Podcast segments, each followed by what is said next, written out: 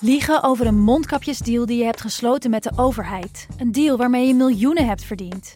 Dat doet toch alleen Siewert van Liende? Nou, nee.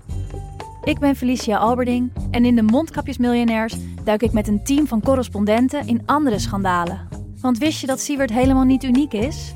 Luister de Mondkapjesmiljonairs in je Podimo-app. Of ga naar podimo.nl slash mondkapjes. En probeer Podimo 30 dagen. podimo.nl slash mondkapjes. Deze podcast is 100% expertisevrij en alleen geschikt voor amusementsdoeleinden. De inhoud mag niet worden beschouwd als financieel advies. Dit is Jong Beleggen, de podcast. Ik ben Milou. En ik ben Pim. En in deze aflevering hebben we het over beleggen in grondstoffen. Ja, goud, olie, uranium, cacao. Lithium, kobalt, hout, graan. Heel kolonisten van Catan komt voorbij natuurlijk. Een van mijn favoriete spellen vroeger. ja. En jij hebt wat inzichten opgedaan die je wil delen. Ja, nieuwe dingen geleerd. Eh, we gaan het hebben over het rendement van goud. Precies. En manieren waarop je allemaal in grondstoffen kan beleggen zelf. Dus met ETF's of ook met futures eh, Ja. komen voorbij. We komen met een, echt een hele grote update voor PDT. Ja, waaronder daarin veel aandacht voor privacy. Ja, en nu je het toch over privacy hebt. Google is met eh, een update gekomen om privacy meer aan de gebruikers te geven in Chrome. Ja, en de belastingaangifte. Daar hebben we het ook even kort over. Nou, laten we snel beginnen. Yes.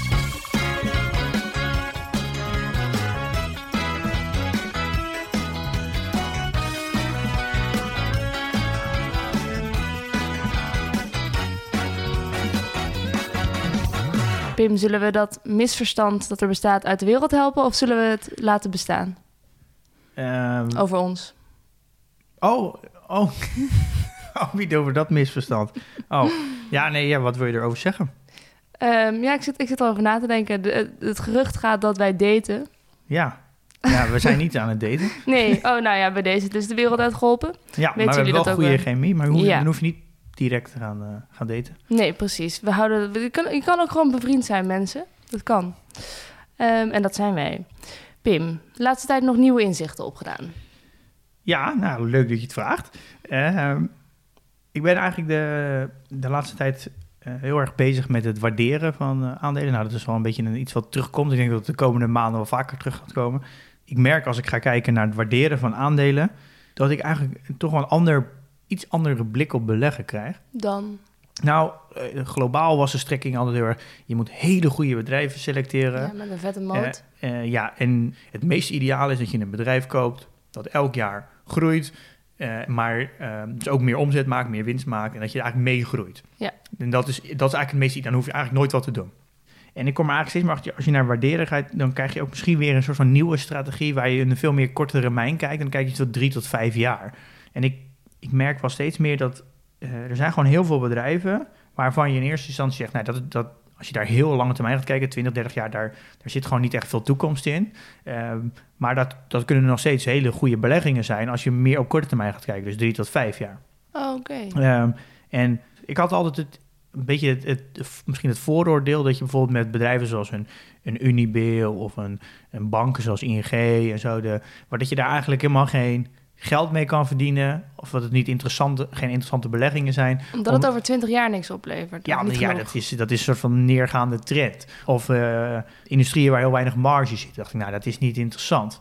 Eh, of bijvoorbeeld prijsvechters. Denk, ja, op lange termijn komt er wel weer een andere prijsvechter. Dus het, eh, hoe ja, sustainable is het nou op echt lange termijn? Hoe erg is nou echt die moot? Ja, En ik merk wel dat als je meer gaat waarderen, dan, eh, en je bouwt een, dan een margin of safety in, dus je waardeert het aandeel op een bepaalde prijs, en dan ga je dus een soort van veiligheidsmarge overheen halen. En dan als die daar zelfs onder je veiligheidsmarge komt, hoe groter je veiligheidsmarge is, je dan op een gegeven moment koopt, dan is de kans gewoon heel groot dat je daar nog steeds een goed rendement op maakt. ja. En dat zal dan niet voor de komende tien jaar zijn, maar eh, dat is dan nog meer een tijdelijke onderwaardering die er dan in zit. En dat zal er dan hoogstwaarschijnlijk in de drie tot vijf jaar misschien uitlopen. Eh, en dat is eigenlijk wel een, ja, misschien wel een nieuwe vorm van beleggen. Voor jou? Ja, die ook een soort van categorie is dat je echt veel meer gaat kijken naar, naar veel meer op korte termijn, dus drie tot vijf jaar. Waar je echt werkt, is, is een bedrijf echt ondergewaardeerd en kan ik de komende drie tot vijf jaar zien dat het er nog uit gaat lopen. En Ja. tien jaar, twintig jaar is natuurlijk heel moeilijk te voorspellen. De banken, hoe die er over twintig jaar voor staan, weet je eigenlijk niet, maar je kan wel zeggen dat ze niet meer in de huidige vorm zijn. Maar de komende drie jaar, vijf jaar, zullen ze nog wel in dezelfde vorm er zijn. Ja, maar dan moet je dus wel ook weten op welk moment je weer moet verkopen. Ja, en dat, maar daar, dat is makkelijker als je kan waarderen. Want dan geef je er een soort van prijs aan van dit is wat ik er, dit vind ik het nu waard. Nou, als je dan koop je hem er verder onder. En op een gegeven moment als de koers oploopt, dan gaat hij richting de prijs waar jij berekend hebt. En dan kan je hem weer verkopen. En ik zou persoonlijk nooit bijvoorbeeld, dacht ik al, ik ga nooit in een bank of ik ga nooit in vastgoed, ik ga nooit in bouwbedrijf, omdat daar, ja, daar zit niet echt toekomstmuziek in. Ja. Maar ik denk wel, als je alleen maar na gaat denken over 10, 20 jaar, dan kom je maar in een heel klein groepje aandelen uit. En dat zit je bijna altijd in technologie of echt in merken. Dus zoals een Nike en zo. Ja. Eh, want de rest, dat is, ja, dat is eigenlijk allemaal wel op lange termijn wel een beetje... Uh, ja, ik denk dat het gaat neerwaarts. En je denkt alles wat heel kapitaalintensief wordt steeds minder. Dat is echt als je op die manier denkt. Maar je kan ook op korte termijn prima een, een goed rendement maken op, op banken. Nee, je ziet het nu. Volgens mij staan nu de twee banken, ING en ABN AMRO, van maar nu uh, year to date op plus 32. Dus het is gewoon, ah, zijn nu gewoon koplopers in de AX dit jaar. Dus als je ze eind vorig jaar had gekocht en als je die goede berekening had gemaakt van uh, het is zwaar ondergebied, had je nu gewoon een heel goed rendement gehad. Ja. En dit geeft wel voor mij weer, ja, waarderen geeft een nieuwe bril ja. op beleggen. Um, en er komt eigenlijk nog een tweede leerpunt. Dus ook heel erg mijn persoonlijke gevoel bij bedrijven. Uh, moet ik eigenlijk loslaten. Ik merk dat ik onbewust, en ik heb bijvoorbeeld PostNL een keer aangehaald, waar ik niet zo heel positief over was. En dat is eigenlijk precies een voorbeeld. Ik zie op lange termijn zie ik PostNL niet zo heel veel toekomst in. Maar op, nu op korte termijn eh, kan het nog best wel wat doet het eigenlijk hartstikke goed. Ja. En dat is weer dat soort van dat, dat, vooroordeel die je dan hebt. Maar ook bijvoorbeeld bij Heijmans had ik dat. Dus een bouwer, denk ja, in de bouw zit 4% marge. Waarom zou je in een partij gaan beleggen waar dat ze in de markt zit met 4% marge? Maar ja, zelfs in elke sector, ook al zijn de marges, zitten altijd een aantal winnaars. Ja. Nou ja, ik heb hetzelfde met het vliegtuigmaatschappij. denk, ja, daar ga je toch niet in beleggen. Er is al afgelopen 100 jaar geen, geen euro winst gemaakt gemiddeld. Mhm. Maar ja, Ryanair en Wizz Air zijn fantastische beleggingen. Zijn dus je, moet, je, je, moet je hele sentiment eigenlijk loslaten. Dat ja, me moeilijk. Maar... Ja, ik moet heel erg dat, dat... En ook, ik heb ook heel erg bij prijsvechters... dat bijvoorbeeld bij Basic Fit ik, vind, ik krijg altijd een beetje jeuk van die reclames. En ja, dat zei je. Ja, En dat, dat merk ik dat me dat ook heel erg uh, tegenhoudt als belegger om daarnaar te kijken. Want ja, ik vind, ik vind het niet zo'n een leuk bedrijf. Ik heb daar geen goed gevoel bij. En ik moet dat eigenlijk als belegger moet dat uitschakelen. Want het kan nog steeds wel gewoon een heel goed een, een goede belegging zijn. Nou ja, hier hebben we het al eerder over gehad. Daar verschilden we ook een beetje van mening over. Ja. Want ik vind wel dat je dingen waar je geen goed gevoel bij hebt... dat je daar niet in hoeft te beleggen. Want ja, waarom zou je daarin investeren? Ja, maar het gevoel, ik bedoel, het, goed gevoel is meer... dat is een persoonlijke mening. Is dat, uh, ik ben een, een, uh, een designer. Ja. Uh, gewoon een maker vanuit, vanuit mijn hart eigenlijk. Dus als ik bijvoorbeeld zo'n basic fit zie... Wat, dat, dat dat brokkelt mijn makershart een beetje af als ik zie hoe ze reclames maken en zo. Pijn aan je ogen. Ja, dat is, en het, snap wel, het is een beetje, het is gemaakt voor de massa, het is schreeuwerig. Persoonlijk spreekt het me niet aan. Ja. Maar dat, als belegger zijn, uh, moet ik dan natuurlijk gewoon loslaten. Wat maakt mij ja. nou uit wat voor, okay. als belegger zijn, wat voor design ze voeren. Als dat aanspreekt bij de doelgroep, dan doen ze het toch juist heel goed. Ja. Um, en dat is wel een, een les die ik wel, uh, wel leer nou. Dat ik dus het sentiment en mijn en of de marketing van het bedrijf mij aanspreekt, dat ik dat los moet laten ja, voor een belegging. Okay. Uh, en dat ik eigenlijk voor mezelf meer contrair moet handelen. En wat dat geeft me natuurlijk ook een beetje een voorsprong voor andere beleggers. Want ik denk dat ik niet de enige ben die zo naar bedrijven kijkt. Uh, dat zijn wel twee dingen die ik, uh, die ik eigenlijk de afgelopen tijd wel geleerd heb. Je kan eigenlijk nooit zeggen dat een bedrijf een slechte belegging is. Want zelfs de allerslechtste bedrijven kan, je, kan een goede belegging zijn, zolang je ze maar heel goedkoop ja, koopt. Precies. Ja, En Thomas uit de community, die had twee maanden geleden uh, Heijmans gekocht. En toen dacht ik, ja, was ik, ja, je gaat toch geen bouwbedrijf kopen? Mm. Kleine marges, heeft, het heeft niet echt een goede track record, de hele bouwindustrie niet. Ja, ik zat, hij zat natuurlijk, hij zat echt spot on. Volgens mij is Heijmans sindsdien echt tientallen procent gegroeid. En ik zat natuurlijk gewoon volledig naast. En het Ja. was veel meer mijn, mijn gevoel dat sprak dan, dan eigenlijk de, ja, gewoon puur kijken naar de cijfers. En uh, dus ja, dat is wel iets, uh, Nieuwe inzichten. weer een nieuwe inzicht. Ja. Ja. Wil je het ook nog hebben over het onderwerp van vandaag, of niet? Ehm, ja, wat is het onderwerp waar we het over hebben? We gaan het hebben over beleggen in grondstoffen.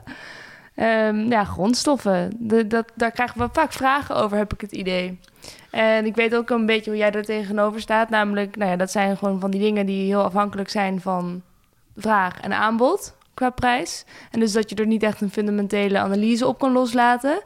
Ik ben benieuwd waar we het over gaan hebben vandaag. Waar gaan we beginnen? Ja, volgens mij komt het nog uh, om, waarom, ze, waarom er heel veel gevraagd over grondstoffen. Omdat we. Er zijn eens een beetje de verhalen gaan rond dat we in een soort van supercycle zitten. Supercycle? Ja, dat, is dus, dat heeft te maken dat, dat de grondstoffen bewegen in een soort van uh, ja, cycle eigenlijk. En dan in één keer wordt, is er extreem veel vraag naar grondstoffen voor een lange periode. En dat noemen ze dan de supercycle. Of ook wel de, volgens mij de varkencycle. Dat is volgens mij heeft meer te maken met de staart van de varken. Oh ja. En het schijnt dat we dus nu in het begin van die cycle zitten. Oké. Okay. Uh, en, uh, maar da daardoor wordt, het nu, wordt nu heel veel over geschreven. Oké. Okay. en dus het is, je merkt dat eigenlijk alle alle websites die over aandelen en zo praten, dat steeds meer, grond, dat steeds meer artikelen komen over grondstoffen. Ja. En ik denk oh. dat, daardoor, dat we daardoor ook veel meer vragen over krijgen. Ja. Um, wat moeten we hiervan weten?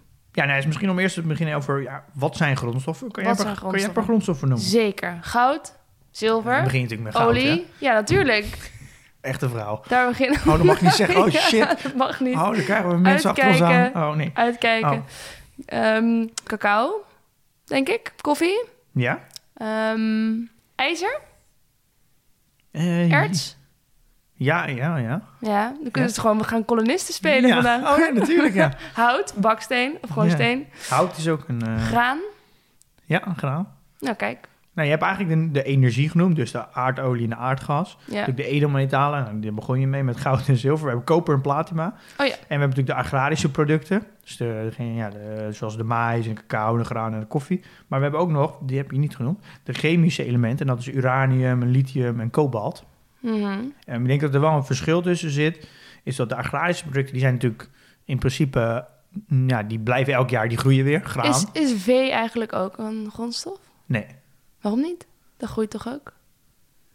Ja, en vee bedoel je? Vee, ja, koeien? Nee, ja, nee, volgens nee. Want volgens nee, dat wordt niet gezien als grondstof. Maar ik denk dat dat een dier is en daardoor niet ja, gezien ik zou het ook te onpersoonlijk vinden om gewoon een koe een grondstof te noemen. Ja. Maar, maar, maar een koe is voor een heel groot gedeelte natuurlijk gewoon gelijk het eindproduct.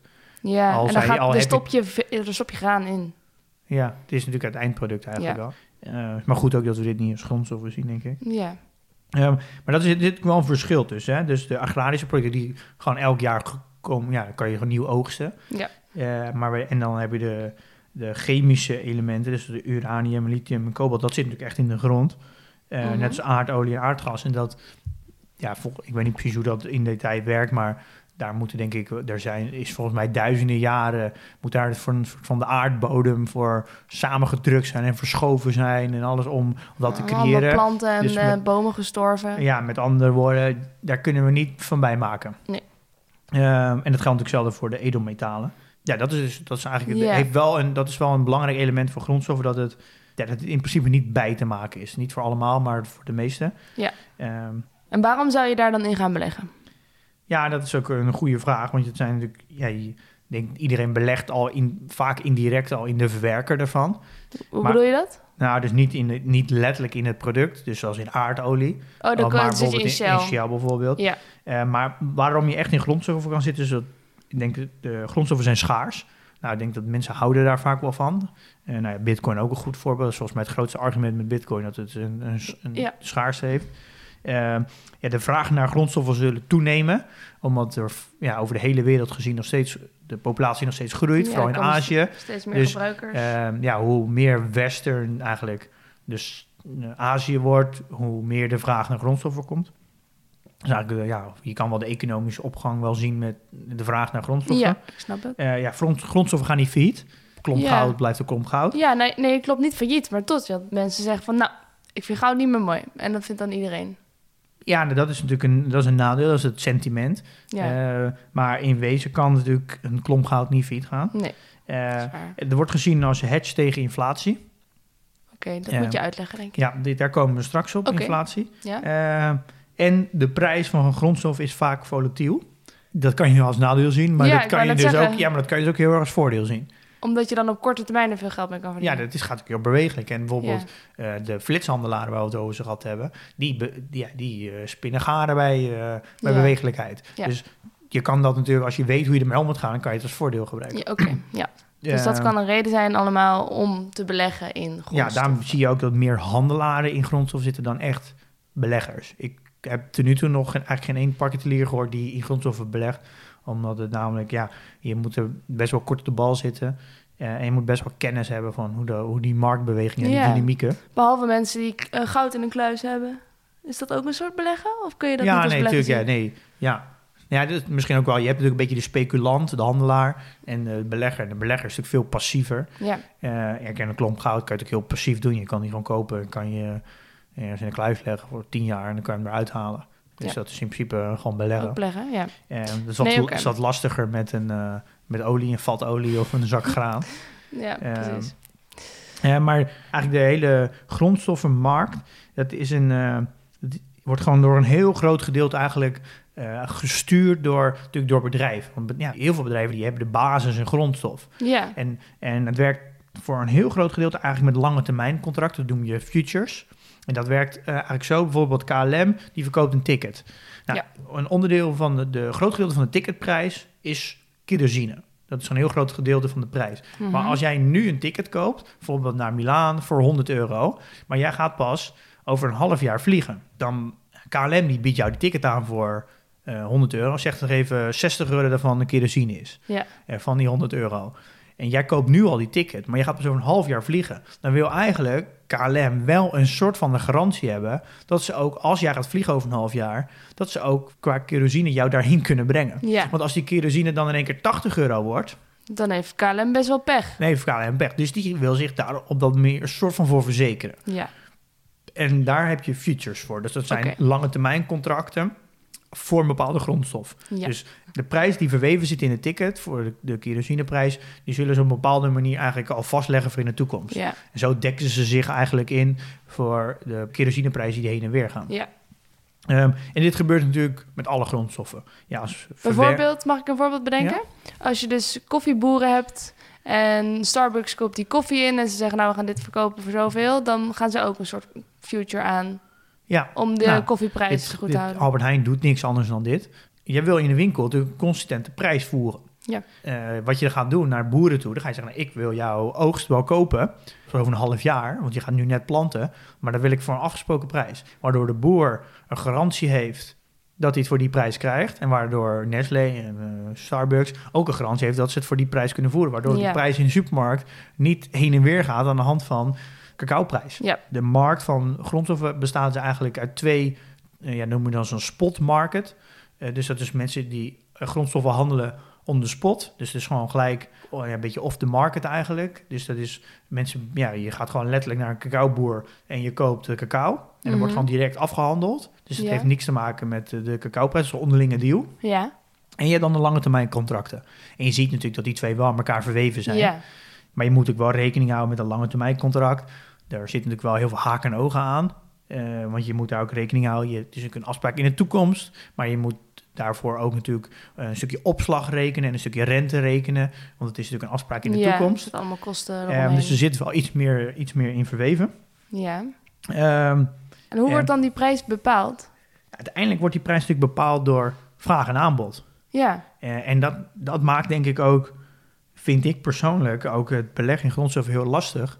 Omdat ja, hoe kan je nou een analyse maken op vraag en aanbod? Dat is natuurlijk heel lastig. ja, Eh, en ik denk wel dat het zou kunnen, maar dan moet je echt, echt diep in zo'n grondstof gaan zitten. Bijvoorbeeld je wil in koper beleggen, dan moet je echt in koper duiken. Dan moet je weten, hoe wordt er koper uit de grond gehaald? Eh, hoeveel kost het om koper uit de grond te halen? Eh, wat is de break-even prijs? Eh, wie zijn de grote spelers die koper nodig hebben? ja. Hoe groot zijn die spelers procentueel gezien? Dus, dat zit op de aanbodkant allemaal, maar moet je ook de vraagkant helemaal snappen? Dus Ja. hoeveel is er in het verleden gevraagd? Hoeveel... Ja, en welke spelers hebben het nodig? Wel, en ja, hebben en het hebben die spelers alvast heel veel in- ingeslagen?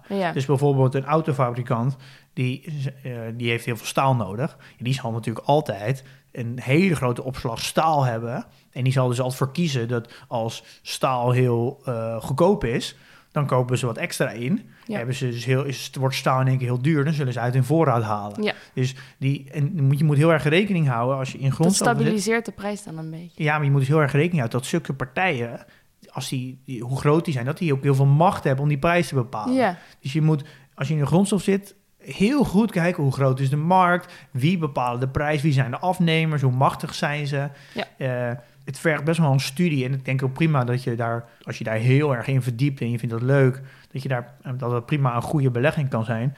Maar Maar is Ja. het dan meer werk dan een bedrijf analyseren, denk je? nou, ik denk niet zozeer dat het meer werk is. Het is alleen, eh, ja, je moet dan al je tijd steken in een grondstof.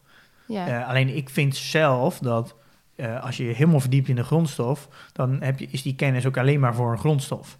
Dus het is, die kennis ja, zit dan echt opgesloten in die grondstof. Ja, maar tegelijkertijd, als je dus je zegt ook, er zijn heel veel bedrijven die dus ehm, werken met grondstoffen, dus bijvoorbeeld dan een Shell, dan heb je er toch ook wel aan om te, te snappen hoe de olieprijs precies werkt. Ja, dat klopt, ja. Ja, dus, dus dan heb je het niet alleen voor die grondstof nodig, maar dan kan je het ook gebruiken om te investeren in Shell misschien, als je Ja, heel dat goed, klopt, ja, goed ja. snapt hoe het Dus dan kan je het wel doorvloeien naar de bedrijven die... Dan zit je eigenlijk gewoon niet... Je kan dan die hele keten van die grondstof... Ja, kan je dan beleggen. Ja, dat, nee, dat klopt. Alleen, ik vind het leuker om in de, ja, bij een meer bedrijvenachtig... Ja, echt bedrijven zitten waar veel meer gaat over innovatie, over merken, branding, Ja. eh, diensten. marketing. Eh, die zijn, dat is voor mij dichter bij mij. Eh, En ik denk dat dat op lange termijn ook... en dat die, die groep meer groeit dan grondstoffen. Eh, en vooral in een westerse economie gaat het sowieso nog meer naar diensten dus, toe. dus dat er meer rendement oplevert. Ehm, Kun je bijvoorbeeld zeggen, wat is het, wat is het rendement van goud? Goud heeft, doet, heeft in de afgelopen 40 jaar, als je dat dan even afzet tegen de aandelen, dus gewoon een wereldwijde gespreide MSCI World, dus gewoon een, een wereldindex eigenlijk, Ja, ehm, heeft volgens mij de eh, aandelen rond de 8, 9 procent gedaan in de afgelopen 40 jaar en goud eh, ongeveer 2,5 procent.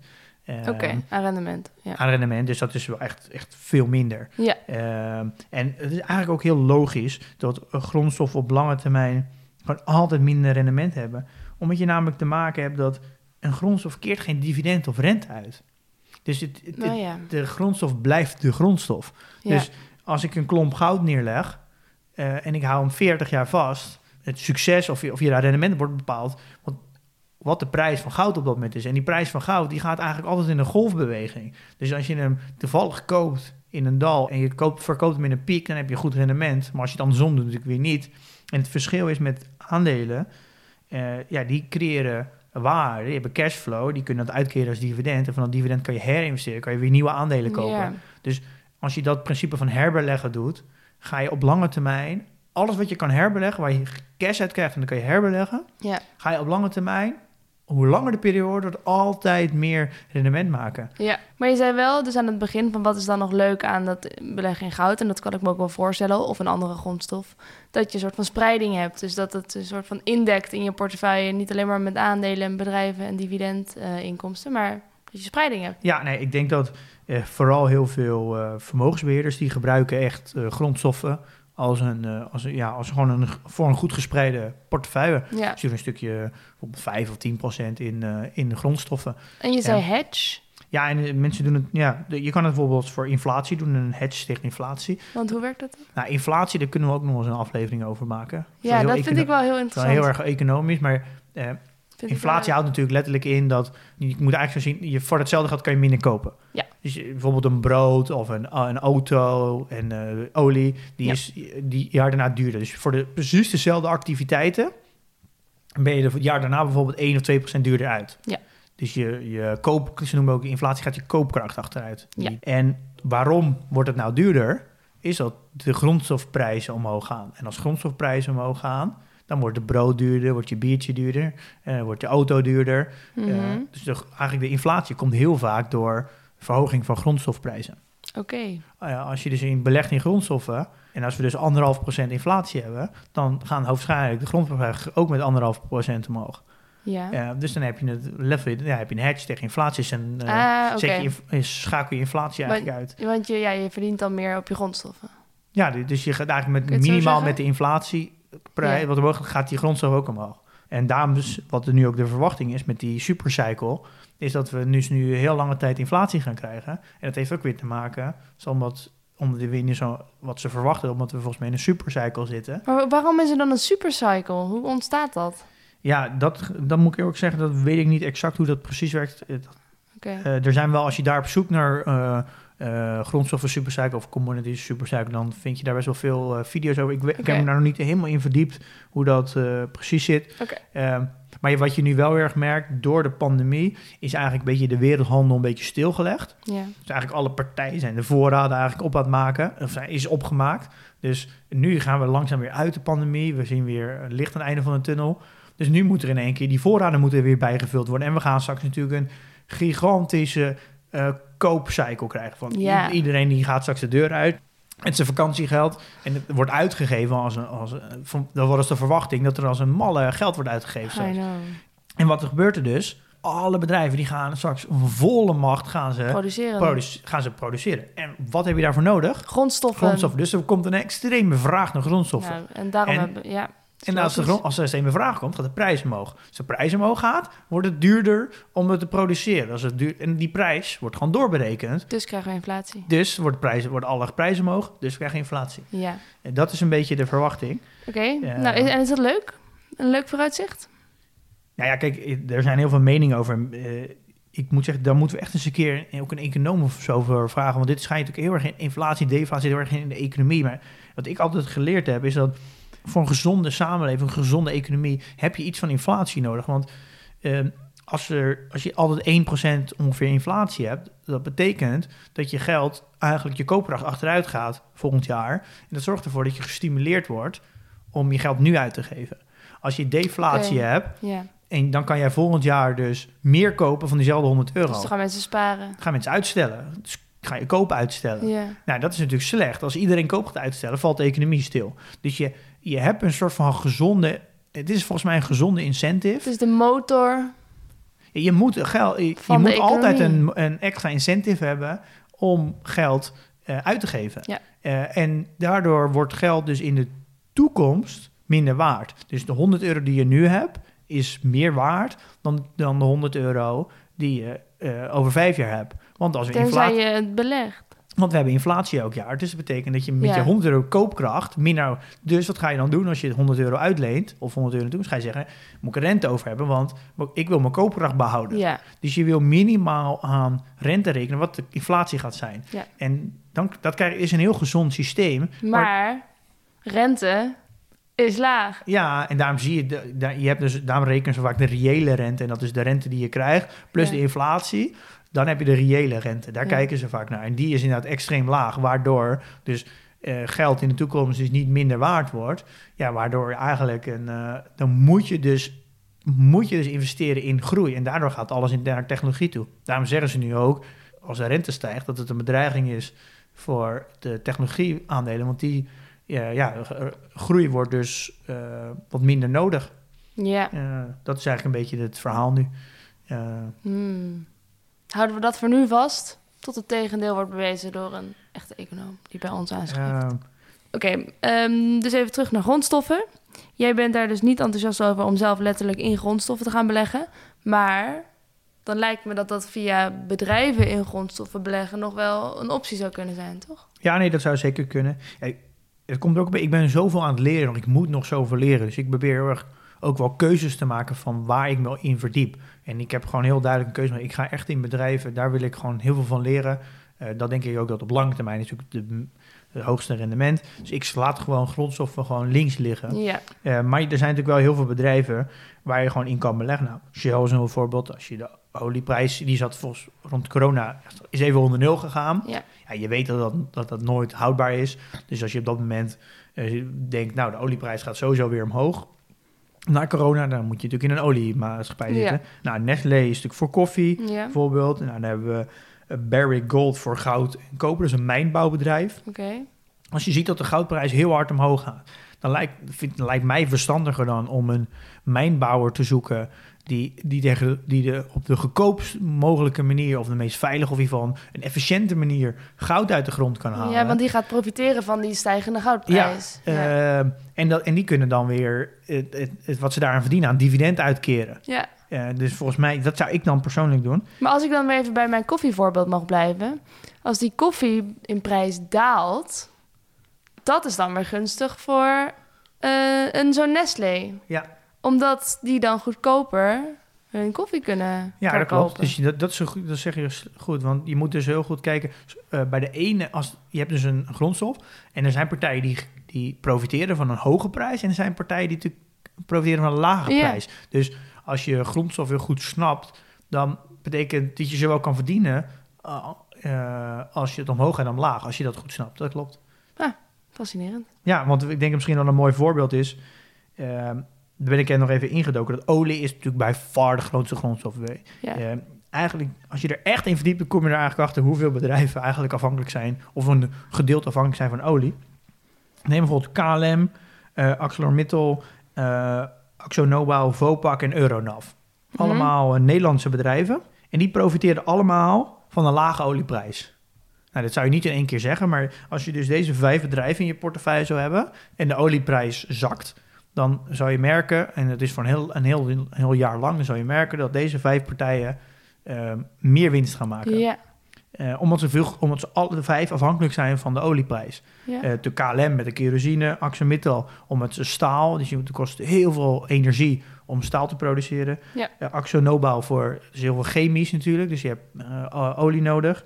Vopak voor de opslag van olie. Nou, er wordt meer opgeslagen als de olieprijs op beneden gaat om te wachten dat de olieprijs weer omhoog gaat. Mhm. En Euronav zijn die tankers die olie moeten vervoeren.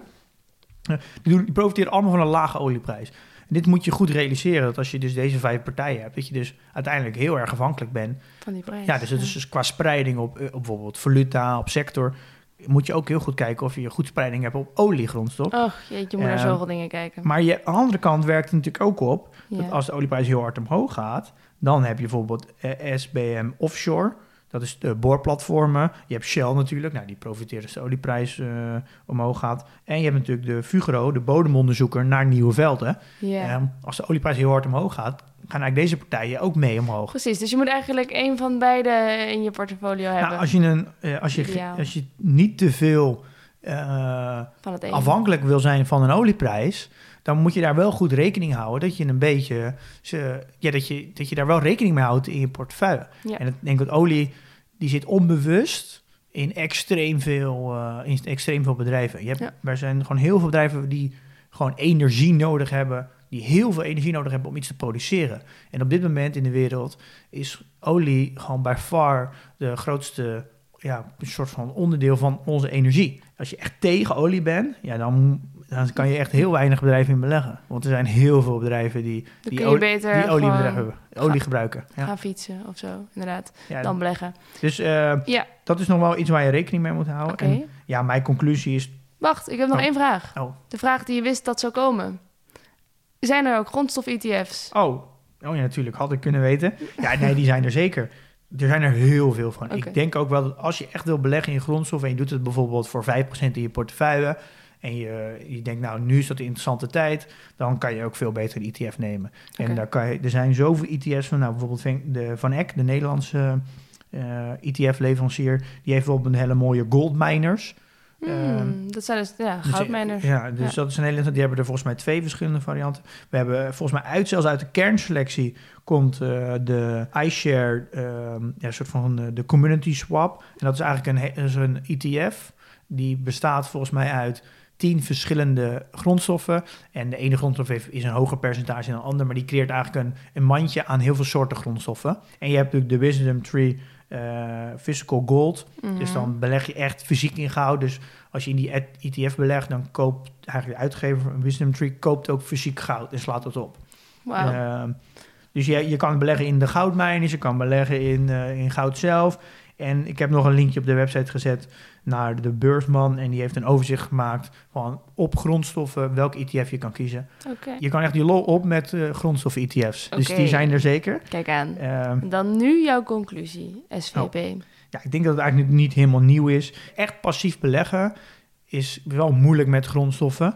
eh, want het gaat heel erg in een cycle. Ja. Eh, maar ik denk wel als je, als je echt een gespreide portefeuille wilt en je, en je hebt wat meer vermogen en je gaat misschien naar meer naar vermogensbehoud, dus je hebt niet zo'n lange horizon meer, dan kan ik me wel goed voorstellen dat je gaat beleggen in grondstoffen waar je van zegt, ik doe gewoon 5% of 10% van mijn portefeuille in grondstoffen. Ga je zorgen dat het veel meer over behoud gaat. Maar ik denk als je echt vermogensgroei moet doen en je wil echt op ja, gewoon de komende 30, 40 jaar ja, je vermogen laten groeien, ja, dan is er volgens mij maar één conclusie.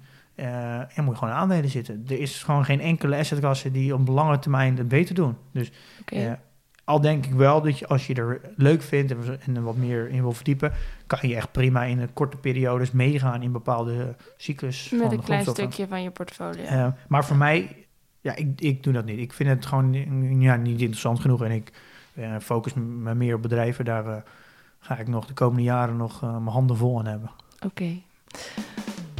We hebben weer nieuwe vrienden van de show erbij gekregen. Leuk dat jullie je bij ons hebben aangesloten, allemaal. Bijvoorbeeld Loes.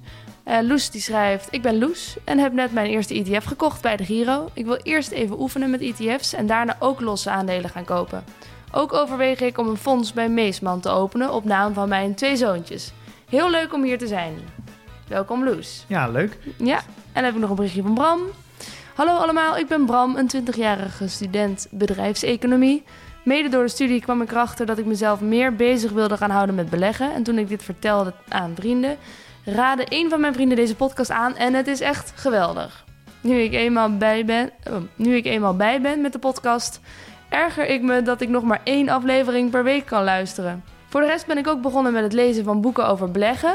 Bijvoorbeeld Rich Dad Poor Dad, heb jij ook gelezen toch Pim? Ja. En The Intelligent Investor. Als iemand nog boekentips heeft, hoort Bram het graag, jongens. Help hem. We Ja? hebben in, eh, in de kennisbank, in de community, Ja? eh, hebben we een hele lijst met boeken waar alle, alle vrienden al een stukje hebben geschreven over waarom ze dit boek aanraden. Dus Oké. een hele lange lijst. eh. Kijk, nou Bram, tel uit je winst. Ik ga daar even kijken. En dan hebben we nog een bericht van William. En die schrijft: Als werknemer van Heineken kon ik het niet laten om mijn eerste aandeel van Heineken te kopen. Helaas nu even slechte tijden, maar eenmaal de kroegen weer open gaan, dan komen de betere tijden er ook aan. Verder ga ik mij eerst focussen op ETF's, de rest komt later wel en binnenkort een rekening openen voor mijn kinderen. Pim en Milou en de rest van het team, keep up the good work. Leuk. Ja, leuk. Ja. Dat is wel grappig, hè? Dat, eh, je ziet daar wel een lijn in, hè? Eh, beleggen voor je kinderen, eh, eerst in ETF beginnen, ja, dat is natuurlijk goed. Ja. Dat is natuurlijk eigenlijk gewoon perfect. Lekker beleggen voor je kinderen, nog jong. Zelf lekker beginnen met een ETF. Lekker veilig, gewoon passief. Lekker vermogen opbouwen doen. En als je gaat lekker meer ontdekken over losse aandelen. En als je die interesse wekt, als je, eh, als je het leuk vindt, Ja. dan gewoon langzaam daarin groeien. Het is echt... eh, ja, lekker investeren in je kennis en beleggen met beleid. ja, het is fantastisch. Ja. Ja. En heb jij nog een update over dit of dat? Ja, ehm, over de PDT. Oké. Het, is een, eh, het wordt een heel mooi weekje. We hebben echt een, nou, een, een update klaarstaan. Nou, dat is echt geweldig. Oké. Het, het, het, het heeft ook wel even geduurd, moet ik zeggen. Maar we hebben de tool op 25 plekken verbeterd eigenlijk, eh, of aangepast of toegevoegd. Dus ik ga ze niet allemaal behandelen. Het is echt een gigantische update. ja. Ehm, we hebben het al eens eerder genoemd, die data. Dat we eh, eerst hadden we één leverancier Ja. en we moesten over naar meerdere. eh, om natuurlijk een, gro- een goede dekking te hebben op alle aandelen en ETF's. Eh, dus we hebben eigenlijk de, de, de hele infrastructuur opnieuw moeten bouwen. Waar we dus in de toekomst makkelijker datasets kunnen toevoegen. Dus we gaan heel anders om met hoe we data nu tonen. Ja. Eh, ze hebben nu al vier datasets werkend. En eh, deze, komt deze week live. Nou, dat is echt een. eh, we gaan een extreem grotere dekking hebben. Dus dat is echt een. eh, dat is misschien. Dat is eigenlijk het fundament. Dus dan ga ik mijn China-ETF erin terugvinden. Eh, de kans is heel groot. Ik, dat durf ik niet te zeggen oh, specifiek al. Maar dat kan je dus straks gaan bekijken. Oké. Ehm, een ander ding, privacy. Daar wil ik over zeggen. Ik ben zelf, nou ja, met alle ontwikkelaars en in, die ook die, die portfolio dividend tracker maken, wij zijn allemaal heel bewust van onze privacy. Ja. Dus wij blokken alles. We, we, we zorgen dat we een soort van zo anoniem mogelijk het internet op kunnen. Ja. Ja, dat willen wij natuurlijk ook in de tool. Ja. Eh, het zou een beetje hypocriet zijn als wij eh, nu al- alle data van iedereen eh, leeg trekken en het zelf niet doen. Nee. Dus, en dat is ook een ding, wij hoeven dat ook niet te doen, want ons verdienmodel is eh, abonnementen. Dus wij hebben gewoon een heel eerlijk businessmodel. Je betaalt en daar krijg je het product voor en je betaalt niet met je data. Ja. We zijn er nog lang niet mee klaar, maar dit wordt echt een groot onderdeel van, eh,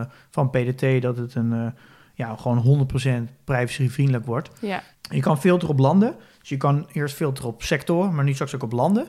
Er zit een extra filtering in, dus kan je zien hoe gespreid je portfolio zit over alle landen in de wereld. Ja. We hebben nu ook de stortingen en opnames.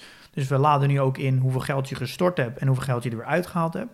En doordat we nu dat nu kunnen doen, kunnen we dus nu een volledige eh, rendementsberekening Precies, maken. Want ja. dat was het, eigenlijk het enige ele- element wat we nog misten eh, om de berekening goed te doen. Ja. En we hebben nu de talen, die werkt nu. Dus we hebben de, de tool volledig in het Engels en de volledig in het Nederlands. Oké. Dus je kan nu ook switchen eh, tussen talen. Nou, handig. Ehm, hier wil ik het even bij houden, maar die lijst is echt nog veel langer. Ja.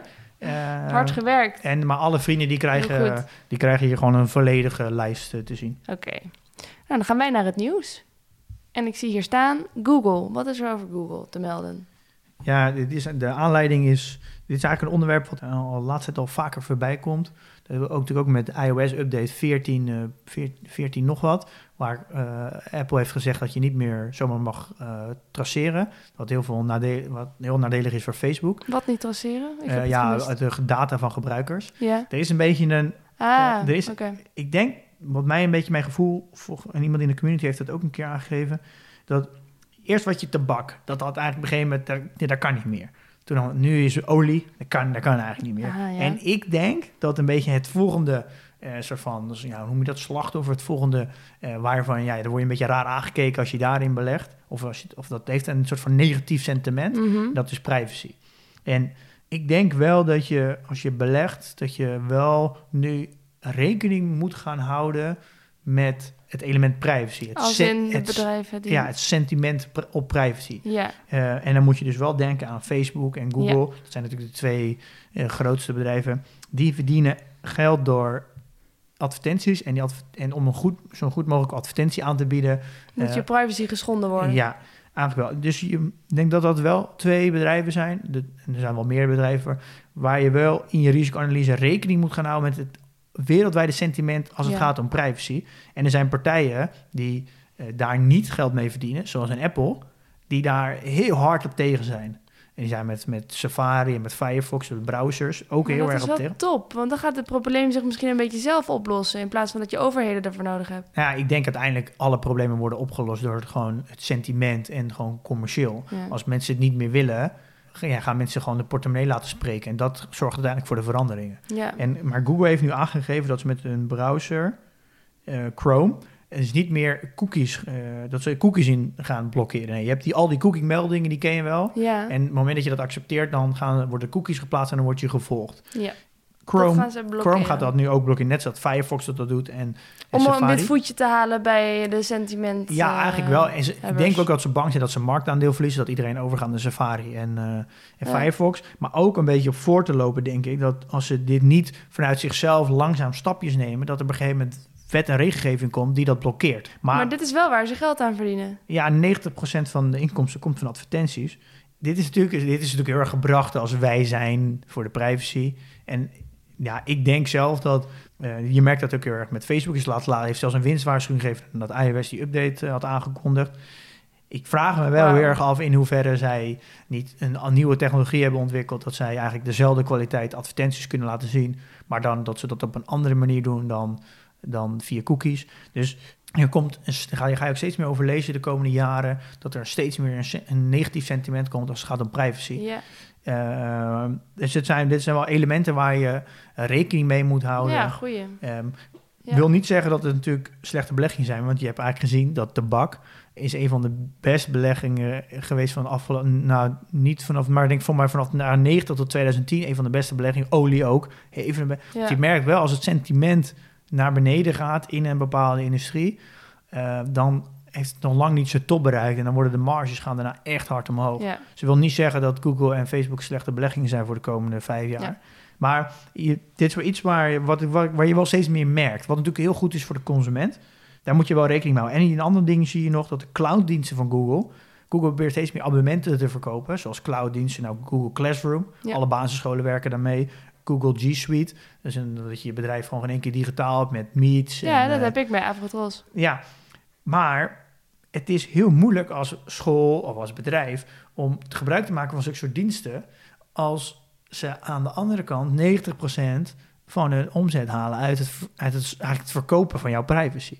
Mhm. Dus ehm, het is heel moeilijk dan om als een basisschool om het echt het, je, het vertrouwen te leggen in een Google. ja. En precies hetzelfde met jouw werkgever.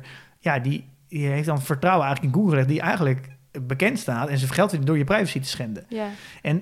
Google worstelt extreem met dit dilemma. En daarom zie je ook dat van alle clouddiensten, wat echt een extreem grote markt is, waar Microsoft in zit en eh, Amazon, waar Google eigenlijk gewoon, gewoon niet meekomt. En de marges worden nu echt gemaakt in de clouddiensten. De grootste marges van bijna op de hele omzet van Amazon is gewoon bij far het grootste gedeelte cloud en bij eh, Microsoft ook. Maar Google heeft gewoon zo'n negatief sentiment dat ze dat mensen niet helemaal aandurven. Om met Google te gaan. En daar probeert Google denk ik zich ook langzaam van zich af te schudden. Dus dit is wel een. eh, ik wil hem even iets breder trekken dat privacy wel Ja. iets is waar je ook steeds meer, steeds meer rekening moet houden, denk ik, in je analyse op echt lange, als je lange termijn wil gaan beleggen. Ja, interessant.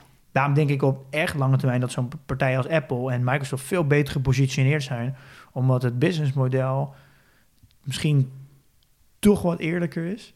Eh, op, dus ja, want denk, denk ik. ja, Maar oké.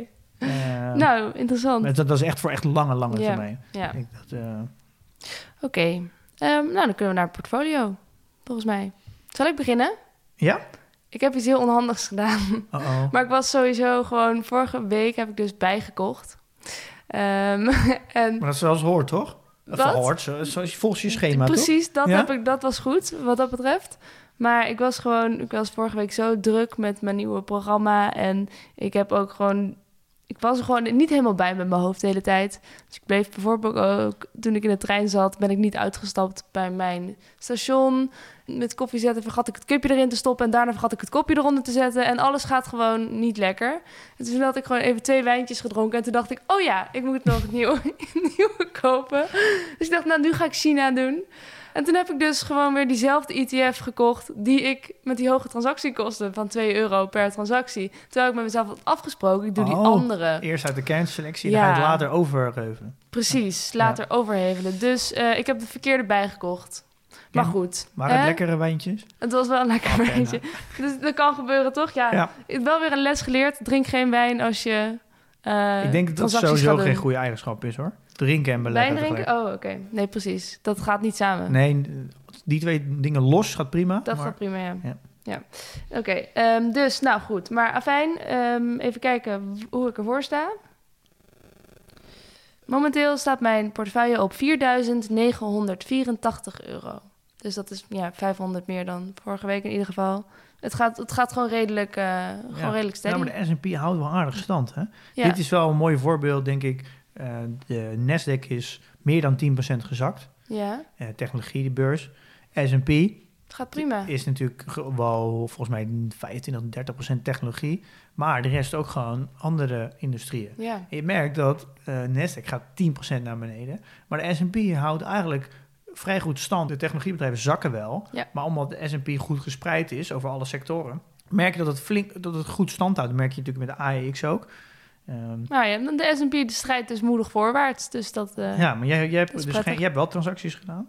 Ehm, eh, ja, klopt. Ik, eh, ik niet. Oké, Ehm, moet ik eigenlijk wel nog, moet wezen. moet ik nog wel doen deze maand. oké, ja. Ehm, en mijn portfoliowaarde is 191.500. Ga ik, ja, sowieso deze maand ga ik wel weer transacties doen. Ik moet nog even er goed voor gaan zitten.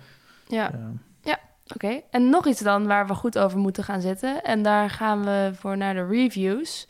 Een grote donderwolk die ook boven mijn hoofd hangt. Of ook, die in ieder geval boven mijn hoofd hangt. Eh, we kregen een berichtje van Niels namelijk. Die schrijft... Ik word nog steeds erg blij van de podcast. Leuk. Met name het enthousiasme van Pim is erg aanstekelijk. Ik denk zelfs als je beleggen niet interessant vindt... dat je blij kan worden van Pims enthousiasme. Dat denk ik ook, Niels. Eh, hij schrijft verder: Jullie hadden het eerder, en daar heb ik het over de donkere wolk, over een aflevering over de belastingaangifte. Ik denk dat deze maand het moment is. Staat dit nog op jullie lijst? Ga zo door, Niels. ja, de belastingaangifte. Dankjewel Ja. voor je bericht, Niels. Ja. Ehm, ja, ik, ik ga dat deze, deze maand even zelf doorlopen. Om te kijken eh, wat ik daarover kan vertellen. Ik ben namelijk heel erg bang dat het een aflevering mm, eigenlijk niet waard is. Als het goed is, nou dat ga ik dus zien, is gewoon alles ingevuld eh, Ja? vanuit je broker. Ja, in ieder geval wel als je een bank hebt of de, de Bink of de Giro. Dan is dat gewoon ingevuld. In een, dan hoef je alleen maar te checken. Je hebt een jaaropgave gekregen van de Giro. Moet Oké. je alleen maar checken of die klopt. Ja, en dan valt er eigenlijk niet zo heel veel meer te doen volgens mij. Maar dat ga ik nog even uitzoeken. Dus ik denk dat het dan, als het een aflevering wordt, een heel korte aflevering wordt. Waar vind Ja. je die jaaropgave? Eh, die staat bij, eh, in, bij de Giro bij mijn berichten. Maar ik ga er nog even, we gaan, daar komen we nog wel even op terug. Oké, Ik denk dat het niet zo heel ingewikkeld is. Ik hoop het. Ehm, nou, dan zijn we er alweer doorheen. Toch? Wat gaan we volgende week doen? Oh, volgende week. Ja, we gaan volgende week, we hebben weer een gast. Dus dat is, eh, is heel leuk. Mhm. Bart Mol.